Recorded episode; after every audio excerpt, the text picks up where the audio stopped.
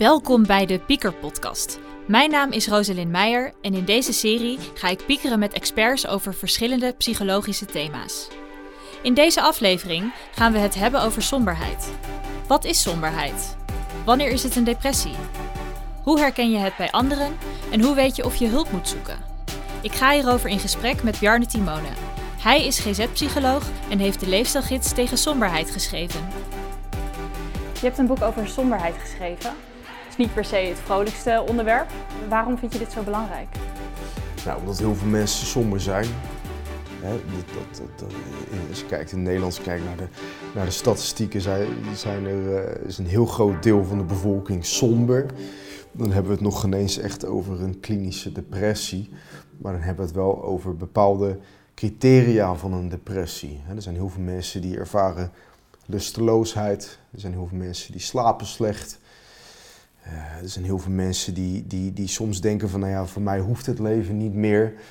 Uh, dus dat is een serieus probleem. Uh, maar dat zijn ook heel veel mensen die tussen wal en schip vallen en niet per se in de zorg terechtkomen. Hè? Dus niet per se therapie zoeken. Ja. wat ik met dit boek wilde bewijzen, en ik zeg expres bewijzen, omdat het gebaseerd is op wetenschappelijk onderzoek, uh, is dat er dus heel veel onderzoek uh, is verricht naar de rol van leefstijl bij somberheidsklachten. Mm -hmm. Kortom, je kan heel veel zelf doen tegen somberheid. En uh, daarom vond ik het interessant, daarom heb ik, ben ik daar ingedoken en daarom heb ik dit boek geschreven. Maar er is een heel scala. Je kunt natuurlijk gewoon je af en toe rot voelen, een slechte dag hebben en je hebt natuurlijk echt de klinische depressie. Ja. Hoe weet je nou, kijk, iedereen voelt zich wel eens een paar dagen rot of een paar weken rot. Hoe weet je nou dat het niet goed is dat je hulp moet zoeken? Nou ja, die standaard die geldt binnen de zorg dat wanneer je langer dan twee weken bijna aan één stuk door somber bent, uh, dat is wel een noodsignaal. Dan moet je je absoluut aanmelden bij de huisarts. Dan maar heb je waarschijnlijk hulp lang. nodig. Ja, dat is niet zo lang, maar je twee weken lang kloten voelen voelt wel heel lang. Ja. En, en dat is niet normaal. Hè? Maar als je dat een dag hebt, soms twee dagen, zeker wanneer je net iets hebt meegemaakt. Kijk, als jij net, als er net een naaste is overleden, mm -hmm. of jouw relatie is net verbroken en je voelt je dan twee weken kloten. Oké, okay, dat is dan nog vrij normaal. Maar ook dan, wanneer je dan echt klachten ervaart, is er niks op tegen om even met de praktijkondersteuner van de huisarts te gaan praten. Hè? Dus ook in die zorg en in die therapie heb je verschillende gradaties en verschillende uh, uh, modellen. Mm -hmm. Ook wanneer je met iemand gaat praten, kun je daarnaast iets doen aan je leefstijl. Hè, want wat ik eigenlijk uh, um, wilde zeggen met dit boek is dat leefstijl is altijd van belang. Yeah. En dan heb ik het er niet over dat je een enorme fit boy of fit girl gaat worden. Daar heb ik het helemaal niet over. Waar ik het over heb is dat er een bepaalde basis uh, uh, dat die van belang is. Dat je gewoon redelijk goed slaapt, of dat je goed slaapt, laat ik het zo zeggen. Je moet gewoon goed slapen. Dat, dat, uh, ik snap dat je goed moet slapen, ja. maar wat als, als dat niet lukt? Want je kunt niet op commando goed slapen. Nee, precies, maar dan moet je kijken waar het dan ligt. Ja. En als, je, als het je niet lukt om, dat, zelf, om daar zelf achter te komen, hè, dus het is goed om daar boeken over te lezen, mm -hmm. bijvoorbeeld mijn boek. Als je er dan nog niet achter komt, dan moet je hulp gaan zoeken voor die slaap. Mm -hmm. Want als jij slecht slaapt, dan is het, wordt het heel erg lastig om aan je somberheidsklachten te gaan werken. Vicieuze cirkel eigenlijk. Sla goed slapen is de basis. Mm -hmm. Ja, ja. Uh, maar goed bewegen ook. En goed eten ook. Voeding is, is van belang.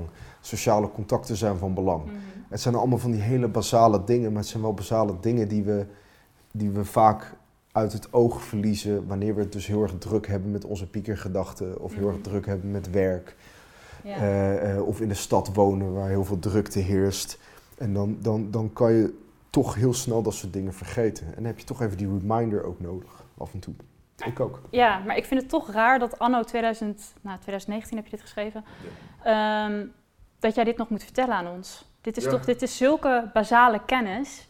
En elke arts, psycholoog, of je gewoon een vriend zou dit kunnen vertellen tegen je van ga eerst eens goed slapen, ga eens gezond eten, ja. beweeg. Ja, en toch is dat niet zo. Nee, hoe kan dat? Nou ja, kijk, als je in, in de opleiding geneeskunde, ik spreek regelmatig met artsen, wordt er volgens mij hoogstens één college gewijd aan gezond leven. Ja. Terwijl je arts bent. Mm -hmm. Ook in de ople opleiding tot huisarts wordt mm -hmm. Veel te weinig aandacht aan besteed. Het begint nu te verbeteren. Ik vind dat heel gek. Dat is heel gek, maar dat vinden artsen ook heel gek. Mhm. En daarom is daar nu ook aandacht voor. Daarom is er nu ook een bepaalde lobby hè, eh, eh, eh, voor om dat meer te integreren in die opleidingen. Maar als je kijkt naar de psychologieopleiding, ik, heb, ik ben GZ-psycholoog, gezondheidszorgpsycholoog. Ja. Ik heb nul colleges gehad over wat een mens nu eigenlijk gezond maakt. Of wat gezond leven überhaupt inhoudt. Ja. Wat bizar is, want dat is de titel van mijn beroep. ja, het is eigenlijk heel raar, hè? Dat is heel raar. Dus, dus, dus, Dat we ziektebeelden leren en eh depressie of eh, therapievormen, Ja. gedrag leren, maar dat er geen Ja. college is van ga eens eh, iets doen aan je leefstijl. Terwijl daar is heel veel bewijs voor. We, we hebben het de hele tijd over dat we evidence-based behandelen. Maar het, de evidence voor leefstijl, die nemen we daar niet in mee. We kijken wel naar de evidence, evidence voor cognitieve therapie. We kijken naar de evidence voor psychotherapie, zeg maar, het hebben over gedachten en gevoelens. Maar ja, als je elke avond een fles wijn leeg drinkt, dan kan je nog zoveel cognitieve gedragstherapie erop losgooien. Dat heeft niet zoveel zin. Dan word je hoogstwaarschijnlijk somber van die fles wijn elke avond. Ja. Haal eerst die fles wijn weg en kijk dan wat er overblijft. Ja, en, en zeg jij dan ook, eh, kijk, dan hebben we het natuurlijk over lichte klachten en over je niet zo lekker voelen. Ehm, dat dan leefstijl echt kan helpen om weer uit die dip te komen? Kan. En als dat niet voldoende is, dan heb je waarschijnlijk ook nog gesprekken nodig. Ja. Maar nogmaals, als je die gesprekken aangaat, zul je ook gezonder moeten gaan leven. ja. En ik vind het heel erg kwalijk dat daar zo weinig aandacht aan wordt besteed binnen psychotherapie of binnen cogn- cognitieve gedragstherapie. Ja, dat we wel allerlei protocollen erop loslaten, maar vervolgens het niet hebben over wat doe je eigenlijk in het dagelijks leven? Hoe leef je eigenlijk? Ook bij angstklachten bijvoorbeeld weten we dat leefstijl een belangrijke rol speelt. Als jij heel erg ongezond eet, slecht slaapt, te weinig beweegt, eh, zorgt dat vaak voor een verergering van je angstklachten. Eh, dus zul je ook daar iets aan moeten doen. Bijvoorbeeld sporten of bewegen, je hoeft nog eens te sporten, zorgt er ook voor dat je beter met je lichamelijke sensaties om kunt gaan. Hè? Als je hartslag omhoog gaat, als je ademhaling omhoog gaat en je leert daarin ontspannen, wat je leert bij lichaamsbeweging, dan zal ook de cognitieve gedragstherapie beter aanslaan. En als eh, leefstijl dus niet werkt, je probeert dat uit, eh, je merkt nog steeds dat je je niet goed voelt, dan heb je dus inderdaad therapie en in de nog misschien ernstigere variant medicatie. Ja. Hoe weet je nou eh, wat goed is, wat bij je past, welke eh, therapie of welke eh, methode je moet gebruiken? Ja. Nou ja, goed. Kijk, als het goed is, is een, is een, is een, is een huisarts en een praktijkondersteuner, die hebben daar verstand van. Hè? Je kan niet verwachten van mensen dat zij de hele zorgkaart in hun hoofd hebben, zeg maar. Of dat ze de hele, de, het hele zorgstelsel kennen. Daar zijn professionals voor. Wat je van mensen kan verwachten is dat zij hun klachten helder eh, verwoorden naar, naar, naar een huisarts. Of in ieder geval eerlijk zijn daarin. Dat is jouw verantwoordelijkheid. Dus als jij je somber voelt, dan is het ook jouw verantwoordelijkheid om naar de huisarts te gaan en te vertellen dat je somber bent. Ga dat niet verbloemen, ga het niet mooier lopen maken. En schaam je er al helemaal niet voor als je kijkt naar de cijfers. Weet je? En er, er leeft natuurlijk nog veel schaamte rondom somberheid. Ja, daar wou ik het zo inderdaad ook nog. Terwijl we hebben er allemaal mee te maken in meer of mindere mate. ja. En dus laten we daar gewoon eens een keertje open over zijn. Ja. Het leven is fucking hard, regelmatig. En af en toe eh, eh, heb, je, heb je gewoon een neiging om het even niet te zien zitten. Dat Nee. is oké. Dat is dus oké. Want Ja. dat vind ik wel interessant. Ehm, ik was afgelopen winter naar een eh, lezing van Dirk de Wachter. Ja. De psychiater die eigenlijk pleit voor eh, de kunst van het ongelukkig zijn. Ja. En die ook zegt van eh, het is niet altijd mooi. Het is Nee. heel normaal om je ongelukkig te voelen regelmatig. Ja. Wat, wat vind jij daarvan, van zijn ehm, Ja, helemaal mee eens. En wanneer je dat accepteert, dan zie je ook in dat dat tijdelijk is. En, en dat, het, dat dat weer voorbij gaat. En met die een soort van wat we noemen metacognitie, hè, een soort van helikopterview, kun je dat ook veel makkelijker aan. Maar Word kan dat veel als je erin zit? Als je er Dat zelf... kan je trainen. Oké, Ja, dat kun je trainen. ja. Dat kan deels door, door leefstijl. Dus bijvoorbeeld aangetoond dat wanneer je voldoende beweegt, dat dat metacognitieve, dat je, dat, dat je daar beter in wordt. Mm.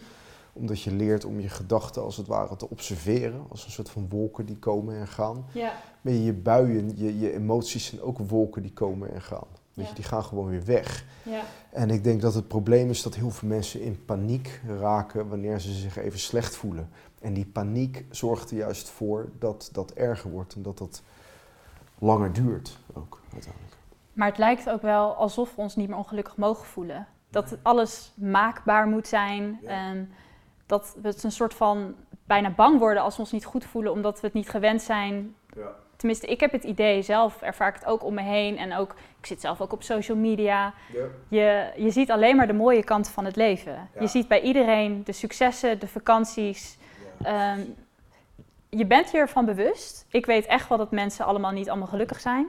Maar toch doet het iets met je. Dat als jij je minder goed voelt, of jij moet studeren, of jij moet werken en andere mensen doen leuke dingen, dat je dat FOMO-gevoel krijgt. En Ja.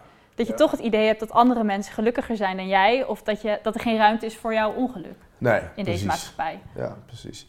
Je hebt, je hebt een, een stroming binnen de psychologie die heet de zelfcompassiestroming. Soms wordt het een beetje zweverig, vind ik, maar er zitten heel veel mooie elementen in. En een van die elementen is iets wat we noemen common humanity, of, of een soort van gedeelde menselijkheid.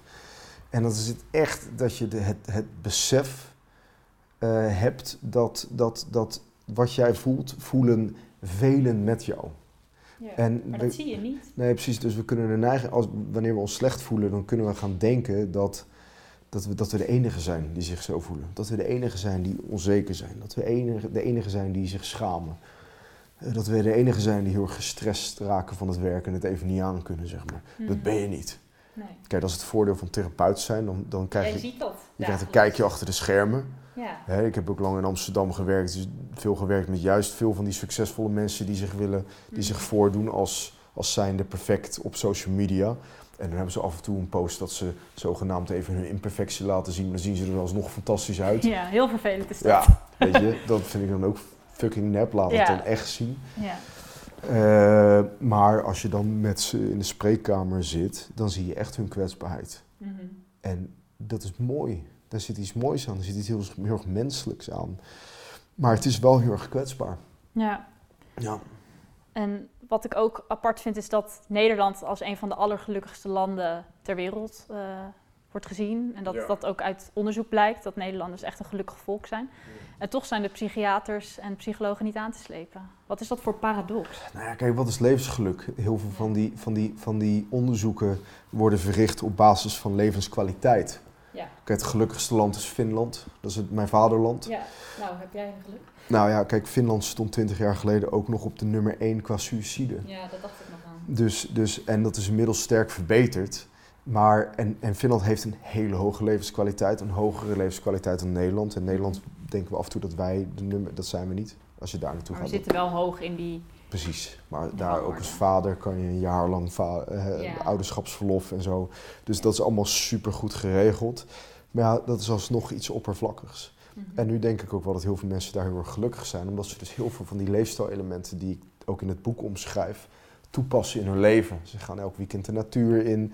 Ze leven heel gezond te vinden. Ja, ze eten gezond. Ze eten verse bessen uit de bossen. Maar dat doet Eh, niet ze eten verse producten. Nee, er zijn ook heel veel vinden die veel te veel wodka drinken en eh, een heel ongezond leven. Ja. Dus er is ook nog steeds heel veel verslaving. Er is ook nog steeds heel veel depressie Maar in, wat is er in, dan Scandina- veranderd? in, in noordelijke landen. Dat, wat je zegt, vroeger was het heel hoog in suicidaliteit en nu... eh, Nou, v- hè, Finnen zijn heel erg goed in dingen aanpakken. En, en niet praten, maar doen.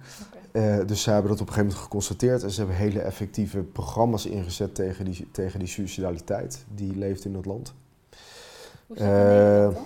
In Nederland, ja goed, er wordt ook gewoon veel suïcide gepleegd. Dus, dus, dus, dus, ja, kijk, we zijn over het algemeen gelukkig, maar we zijn wel al ge- gelukkig wanneer het goed gaat. En dat is heel erg een tendens in noordelijke landen, is dat je ziet dat het goed gaat met mensen en dat mensen over het algemeen hun leven een 7 of een 8 geven, tenzij het niet goed gaat. Tenzij ze dus in een depressie belanden of in een burn-out belanden. Ook vanwege dat element van schaamte. Ja. Die, zeg maar gewoon alles gaat goed zolang je binnen dat keurslijf functioneert. Mhm. Als je er buiten valt, eh, shit, dan voldoe je niet meer aan het plaatje.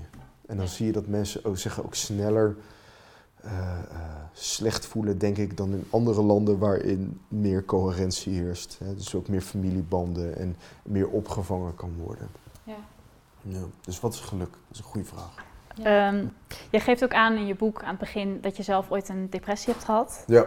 Dat je toen ehm, daar medicatie voor hebt gekregen. Ja. Dat het bijwerkingen gaf. En Ja. dat het eigenlijk niet voor jou werkte. Nee. Met de kennis van nu, wat denk je dat ze nu hadden gezegd? Nou ja, ik, ik, ik, ik, ik had gewoon meteen... Niet dat je zo oud bent, maar... Nee, nee, nee, nee, ja, precies. Het was het, een jaar of 50. Nee, eh, nou ja, weet je, in die tijd werd veel te snel medicatie eh, voorgeschreven. Is inmiddels bijna 20 jaar geleden. Ik was nog jong, ik had gewoon meteen therapie. Het was helemaal niet zo'n ernstige depressie. En eh, ik kreeg meteen medicatie. Die medicatie werkte daardoor ook gewoon niet goed. Toen ik therapie Wat voelde je dan toen je dat kreeg? ja, het is gewoon al mijn emoties werden afgevlakt. Terwijl het ging juist om het dealen met die emoties dat van belang was. En op een gegeven moment ben ik daar dus mee gestopt. En toen ben ik in therapie eh, gegaan. Ja. En dat werkte. Toen ben ik gaan mediteren, dat werkte. Toen ben ik gaan bewegen, dat werkte.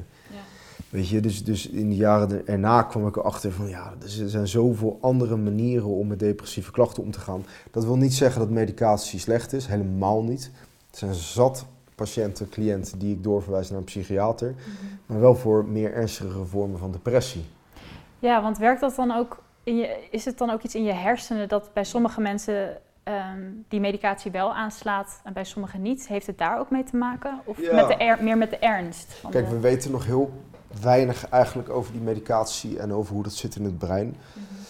Wat we vermoeden is dat er een bepaalde genetische eh, eh, gevoeligheid is voor depressie. Dat heeft te maken met, met je serotoninesysteem. Mhm. Het serotonine-transportergen. Eh, wat we waars- hoogstwaarschijnlijk ook weten is dat, dat, dat die medicatie ingaat op dat serotoninesysteem. Maar waarschijnlijk gaat het ook in op, op heel veel andere systemen. Dus ja, medicatie, ik ben geen psychiater, maar het, het is wel zoals je kijkt naar de literatuur, het is ook wel een beetje een schot hagel. Ja. En, en, en waarbij je ziet dat die schot hagel het meest aanslaat bij mensen die wat meer zware vormen van depressie hebben. Mhm. En als je lichte vormen van depressie hebt, hè, dan is het dus de moeite waard om eerst te kijken hoe cognitieve gedragstherapie en leefstijl aanslaat. En als het dan erger wordt, ja, dan moet je dus goed in de gaten houden. Mhm. Ja, dan moet je wel met een psychiater gaan, gaan praten. Dan heb je misschien, en misschien een tijd ondersteuning nodig voor medicatie. Maar ook als je medicatie slikt, moet je gezond leven. Ja. Hè, dus dus we, we zijn tot nu toe ook veel te uniform bezig geweest in die zorg. Of cognitieve gedragstherapie, of medicatie. Nee, je moet holistisch kijken. Je moet naar al die elementen kijken. En dan zie je dus een synergie, synergie tussen al die elementen. En dan knappen mensen ook veel sneller op. En het kan ook vanzelf overgaan, toch? Ja, ja precies. Ja. Ja, Maar precies. hoe weet je nou, misschien dat je na een paar maanden wel denkt, ja, nu ben ik wel klaar mee. Nou ja, kijk, het enige positieve aan die wachtlijsten is dat je dat dus eh, dat dat een positief bijeffect kan hebben. Hè? Dus dat wanneer mensen een maand, twee maanden op een wachtlijst staan, is dat soms die klachten vanzelf verdwijnen. Ja. Eh, en dat, dat er een soort van placebo-effect heeft pla- plaatsgevonden. Het feit dat zij hulp hebben gezocht en zichzelf serieus nemen. Mhm. Dat gebeurt. Nou ja, dat is positief. Ik moedig dat alleen maar aan, dus Ja. dat die mensen zo opknappen. Eh, maar dat kan inderdaad vanzelf voorbij gegaan. En dat kan dus ook te maken hebben met het feit dat sommige vormen van somberheid bij het leven horen. Ja. En die gaan nooit helemaal weg. En dat is oké. Ja. Daar leer je van, daar word je sterker van, daar word je veerkrachtiger van. Ehm, wat ik zelf een beetje iets engs vind, is dat ehm, bij sommige mensen. Nou ja, bij sommige mensen heb je door dat het niet goed gaat. Sommige mensen Ja. zijn daar open over. Maar kijk, ik ken ook iemand eh, die familie had en diegene was altijd het zonnetje in huis. Was Ja. altijd vrolijk, Ja. hartstikke, eh, oogde als een heel gelukkig kind. Ja. En ineens had, die- had die jongen zelfmoord gepleegd. Ja. En dat was zo'n schok voor iedereen. Ja. Omdat iedereen zei van, huh, maar dat was toch die vrolijke jongen? Ja. Hoe kan dat? Hoe kun je erop letten? Hoe weet je dat iemand depressief is? Want dit zijn echt gevallen dat niemand het door had. Ehm, hoe kun je zien aan een ander dat het eigenlijk helemaal niet goed gaat? Heb je daar Nou, een ik, idee over? ik word altijd wantrouwend als iemand te vrolijk is. Te vaak. Ja. ik vertrouw dat niet. Eh, juist omdat je af en toe een klote bui hebt, dat is normaal. Mhm. Ehm, dus wanneer het te goed gaat met iemand, dan, dan, dan, dan word ik altijd een beetje argwanend. Dus hè, wanneer je dus ook merkt in je omgeving dat iemand altijd vrolijk is, kan het wel de moeite waard zijn om te vragen van is het daadwerkelijk zo dat jij je altijd vrolijk voelt? Mhm. Of hou je misschien af en toe ook een masker op? Eh, Uit nieuwsgierigheid, dat wil ik gewoon even weten. Ja. En het wordt natuurlijk ook een self-fulfilling prophecy dat wanneer je altijd vrolijk jezelf voordoet, is dat mensen daarop reageren en ook denken van nou, het zal wel goed gaan. Dus ook niet vragen naar hoe gaat het daadwerkelijk met je, Mhm. omdat ze ervan uitgaat dat het helemaal perfect met je gaat. Ja. Dus je houdt eigenlijk ook je eigen eenzaamheid in stand op die manier. ja. Ehm, Zeker ehm, als je er ook niet open over bent, over je emoties. Nee. Ja. nee, precies. Dus daarin heb je zelf ook een verantwoordelijkheid. ja. En bij jezelf, wanneer zeg je, ja, hoe kun je, je, kunt, je voelt zelf natuurlijk heel goed hoe je je voelt. Maar als je nooit een depressie hebt gehad, weet je niet misschien of het een depressie is. Wanneer weet je zelf van, oké, nou, misschien moet ik nu eens... eh, want kijk, je kunt liefdesverdriet hebben. Er kan een dierbare overlijden. Dat zijn dingen die in je leven gebeuren, die pijn doen, waar je lang last van kunt hebben. In hoeverre is iets rouw en iets waar je gewoon mee moet dealen? En is, iets, eh, waar je echt, is het iets waar je wel echt hulp voor moet zoeken? Ja, goede vraag. Ja, Goeie vraag, daar hebben we geen duidelijk antwoord op. nee. Eh, dus als je twijfelt, ga praten met je huisarts. Ja, de- je, hoeft, je hoeft zelf niet het wiel opnieuw uit te vinden. nee. En de huisarts zal daar ook geen hapklaar antwoord op hebben. Mhm. Maar het is geen ramp als je een keertje met een praktijkondersteuner gaat praten. Nee. En het blijkt achteraf dat het inderdaad liefdesverdriet was. Oké, dan weet je dat tenminste. Ja. Waarom zou je... Waarom nemen we heel vaak het zekere voor het onzekere wat betreft onze lichamelijke gezondheid? En wachten we totdat het echt niet meer gaat wat betreft onze geestelijke gezondheid?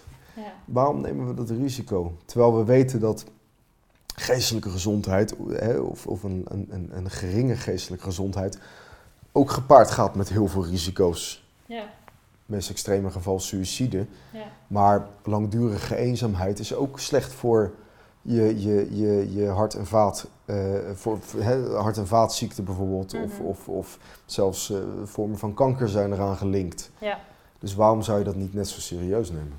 Ja. Maar ik denk ook, ik heb zelf het gevoel dat het gewoon een taboe is soms. Eh, je breekt liever je been dan dat je zegt dat je depressief bent.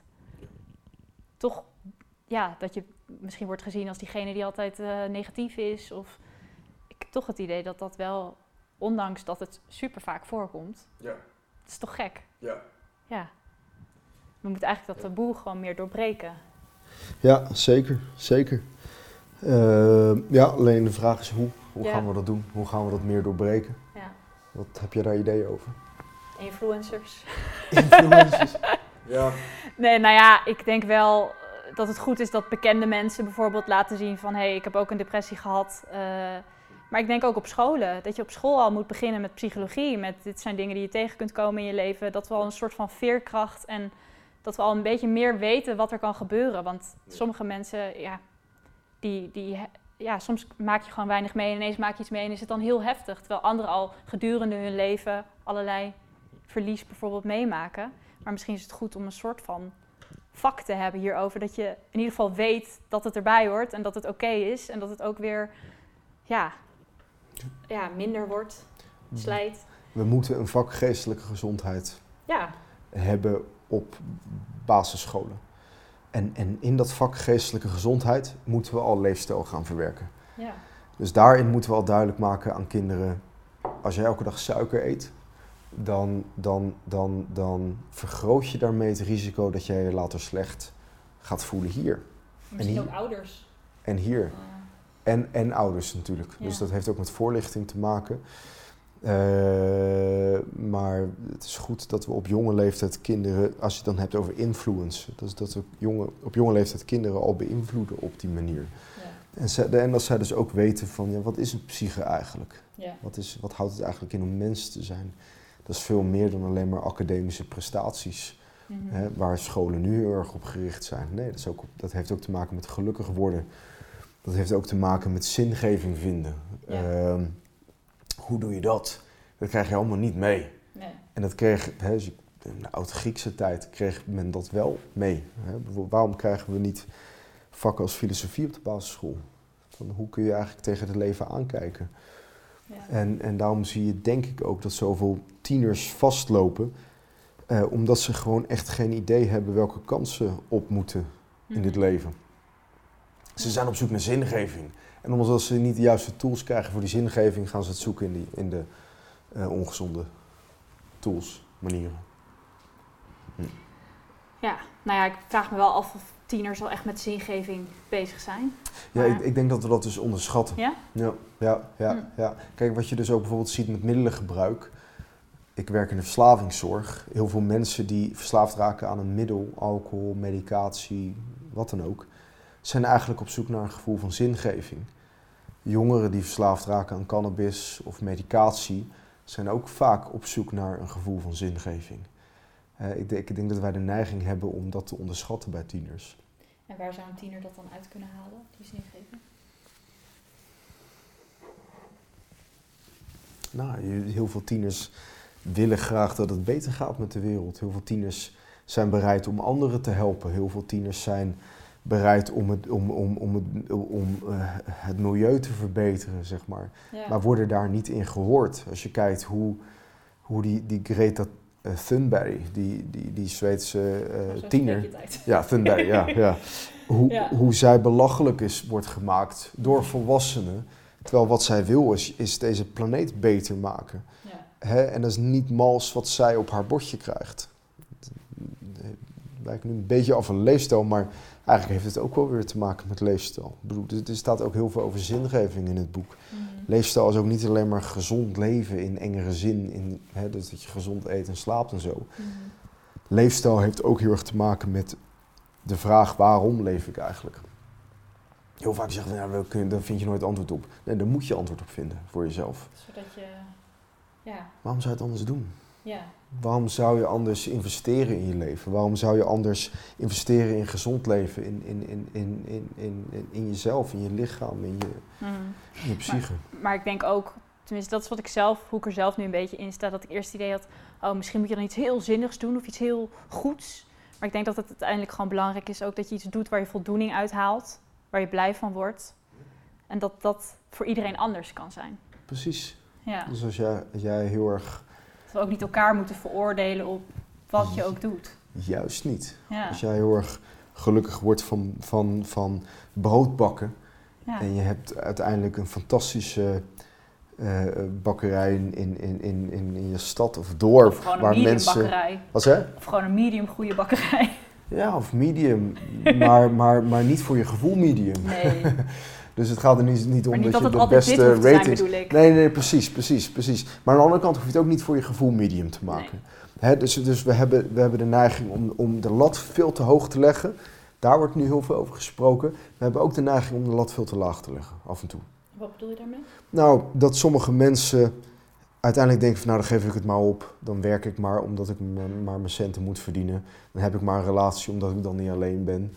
Dus we hebben het heel erg over de, de overwaardering van het leven, maar we hebben het veel te weinig over de onderwaardering van het leven. Mhm.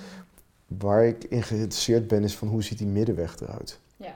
Dus het is niet voor niets dat we zulke hoge eisen zijn gaan stellen aan onszelf. Mm Daar zit ook iets waardevols in. Het is ook niet voor niets dat we op een gegeven moment die lat te laag zijn gaan leggen, omdat we te moe werden van die lat die te hoog lag. Mhm.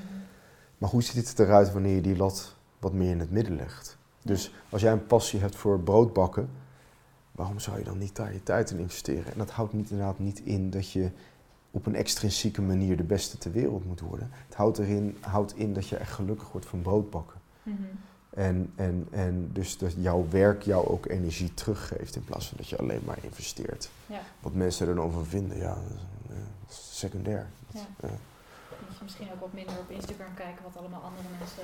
Ja. Het is zo fijn wanneer je minder zorgen gaat maken over wat mensen van je denken. Ja. En dat heeft dus ook heel erg te maken. Hè? Dus, dus kijk in het leven waar je wel invloed op hebt. Ja. Waar heb je invloed op? Nou, dat zijn die dingen. Dat is, je hebt invloed op hoe je slaapt. Je hebt invloed op hoe je leeft. Je hebt invloed op hoe je communiceert. Ja. Je hebt invloed op welke planten je in je huis koopt. Dus focus je op waar je invloed op hebt en probeer los te laten waar je geen invloed Ja, dat klinkt heel makkelijk dit nu, maar dat maar dat is eigenlijk gewoon de kern van heel veel psychische klachten. Dat zie je bij depressie, dat zie je bij burn-out. Is dat mensen veel te veel tijd en aandacht stoppen in zaken waar ze geen invloed op hebben. En daar gaat alle aandacht naartoe en dat is één grote energielek. Ja. Terwijl als je dat omdraait en je gaat je energie stoppen in zaken waar je wel eh, eh, enige mate van controle over hebt, Mhm. ja, dan merk je ook dat, dat, dat, dat het effect heeft. Ja. En dan heb je een veel meer zorgeloos leven. En er zullen altijd elementen zijn in het leven waar je gewoon geen controle over hebt. Wat mensen van je denken. Ja. er zal altijd iemand zijn die een negatieve mening heeft over jou. Mhm. De Dalai Lama, dat zijn mensen die hem haten. Nou ja, weet je, beter dan dat kan je het niet echt doen, zeg maar, weet je. Ja. Dus, dus, dus laat dat los. Mhm. Niet, dus het zal nooit zo zijn dat iedereen je aardig gaat vinden. Nooit. Nog even over corona, Hmm. want dat is nu natuurlijk ook aan de hand. Ja. Ehm, nou, het- we zitten nu in een periode dat het weer iets beter gaat. Ehm, maar ja, het was natuurlijk heel heftig en we weten ook niet hoe de komende maanden eruit gaan zien. Wat doet dat met ons als mens? Veel. Ik denk dat het een sluimerend gevoel van onrust geeft bij ons allen. Ja. Hè, daarin ook, wanneer mensen zeggen, het doet me helemaal niets, denk ik altijd van, nou, ik kan me Ja. moeilijk voorstellen. Het, het heeft ons leven zo significant beïnvloed Mhm. en nog steeds. Ook in positieve zin. Ik zelf vind thuiswerken af en toe best fijn. Heel veel mensen vinden dat fijn. Dat is, dat is ook wel het nieuwe normaal, zoals het wordt genoemd. Mhm. Maar het feit dat er een levensgevaarlijke ziekte rondwaart in onze samenleving, zorgt, het zij onbewust, gewoon voor een gevoel van angst ergens toch. Ja, Bij ons allemaal. van een sudderende... Ja. Ja. En het is toch, onbewust raakt jouw brein toch een beetje gestrest wanneer je iedereen met een mondkapje eh, in, in het OV ziet eh, Mhm. zitten. Of eh, de hele tijd handgel aan het opdoen is. Of de- dat je mensen geen handen mag geven. Dat je geen knuffel mag geven aan je ouders. Mhm. Ja, dat doet toch iets met je. Dus, dus, dus Ja. we worden allemaal behoorlijk eh, op de proef gesteld nu. ja. Tegelijk, Mentaal enorm enorm, Ja. enorm. Tegelijkertijd denk ik ook van ja, als jij nu goed voor jezelf blijft zorgen. En als jij ook zeker nu een bepaalde veerkracht blijft behouden en blijft voeden en cultiveren. Mhm. Dan is het volgend jaar, wanneer er hopelijk een vaccin is. Wanneer we hopelijk weer enigszins normaal kunnen doen. Dan neem je dat mee voor de rest van je leven. Ja. Dus- Dus leerschool dit ook. Precies. Zie dit als een leerschool. Ja. Je zit nu in de Champions League van het leven. Ja. En, en nu kun je de vaardigheden opdoen, eh, zodat straks de eredivisie, wanneer je weer terugkeert, een stuk makkelijker wordt. En wat verwacht je op de lange termijn voor klachten? Er staat van alles steeds in het nieuws. Ehm, heb je het idee dat als de corona, als er een vaccin is, dat er nog een soort van nasleep komt? Psychisch? Kijk, een financiële crisis eh, Ja, komt wat, er ook aan, maar ja, wat we merken in de zorg is dat mensen sneller in, eh, in een crisis eh, belanden. Hè, dus dat, dat als je al eh, gevoeligheid hebt voor... Juist, ja, precies. Dat is heel ernstig natuurlijk, want het is Mhm. zo dat de meest kwetsbare mensen in onze samenleving, die worden, die worden het meeste slachtoffer van dit virus. Ja. En dat is zo triest hieraan. Ehm, heel veel van dat soort crisissen zijn ook verborgen. Zeker nu we mensen meer thuis leven, zeker mensen minder contact en dus minder sociale controle. mhm. Dus wat ik verwacht is dat wanneer het allemaal voorbij is, dat we dan pas de schade ervan daadwerkelijk gaan zien. Ja, En dan moeten we net als na de oorlog, dan moeten we dat gaan. Ja, maar ja, goed, dit is een crisis. Ja. Dit is een, een, een massale live event. Iets wat we nog niet eerder... Nee, dat hebben we niet eerder meegemaakt. meegemaakt. Nee. Nee. En we moeten gaan, weer gaan op. Hè, het is gewoon het is een wederopbouw. Net als dat hier in Rotterdam ook eh, een wederopbouw heeft plaatsgevonden in de jaren 50, gaan we dat op mentaal gebied ook doen in de, in de zorg en maatschappelijk. Oké. Ehm, als laatste, hoe, hoe denk je dat we, dat we elkaar een beetje kunnen helpen in deze coronacrisis? Door elkaar te blijven zien, door elkaar te blijven spreken. Bel. Weet je, als je elkaar niet fysiek ziet, bel met elkaar. Ja. Ehm, ja, verlies elkaar niet uit het oog. En, en, en wat ik ook merk is dat mensen zijn meer gespannen. Mhm. Probeer je daar bewust van te zijn. Probeer mild te blijven naar anderen. Hè. Je ziet veel spanning ook in, in de supermarkt, in het verkeer. Ik merk dat mensen meer opgefokt zijn. Nou, dat zie je dus ook met die demonstraties, dat meer, mensen meer opgefokt zijn. Ja, dat gaat nergens toe leiden. Je, Zou, is daar ook een link, denk je, met corona en al die... Zou dingen in hun sneltrein uh, hmm. zetten? of heftige gevoelens aanwakkeren? crisissituaties uh, activeren de amygdala in het, in het brein, het alarmcentrum waar de emoties worden, worden geactiveerd, zeker de meer primaire emoties zoals angst. Mhm. Uh, dus absoluut dat daar een verband zit. En daarom zie je dus ook veel meer maatschappelijke spanningen nu met Black Lives Matter eh, beweging, met uh, nou ja, de anti-corona beleidbeweging. En iedereen is wel anti-iets tegenwoordig. Ehm, en die, die, die spanningsvelden die zijn gewoon veel sterker nu op dit moment. Dus dat valt ook neurobiologisch wel gewoon goed te verklaren. Ergens is het ook goed natuurlijk, want ik denk dat heel veel van de dynamiek of de spanningen die er altijd al waren, dat die nu gewoon omhoog komen. Ja. En dus dat biedt ook kans om daarmee te werken. Ja. Weet je, het feit dat we nu zoveel uh, uh, onrecht zien in de, in de maatschappij, biedt ook kans om daar iets aan te doen. Ja. Dus laten we dus niet alleen maar op, op persoonlijk niveau aan onszelf werken, laten we ook op maatschappelijk niveau aan onszelf werken. Ja. Ja, en wat kunnen we nog voor positiefs hier uithalen uit deze coronacrisis?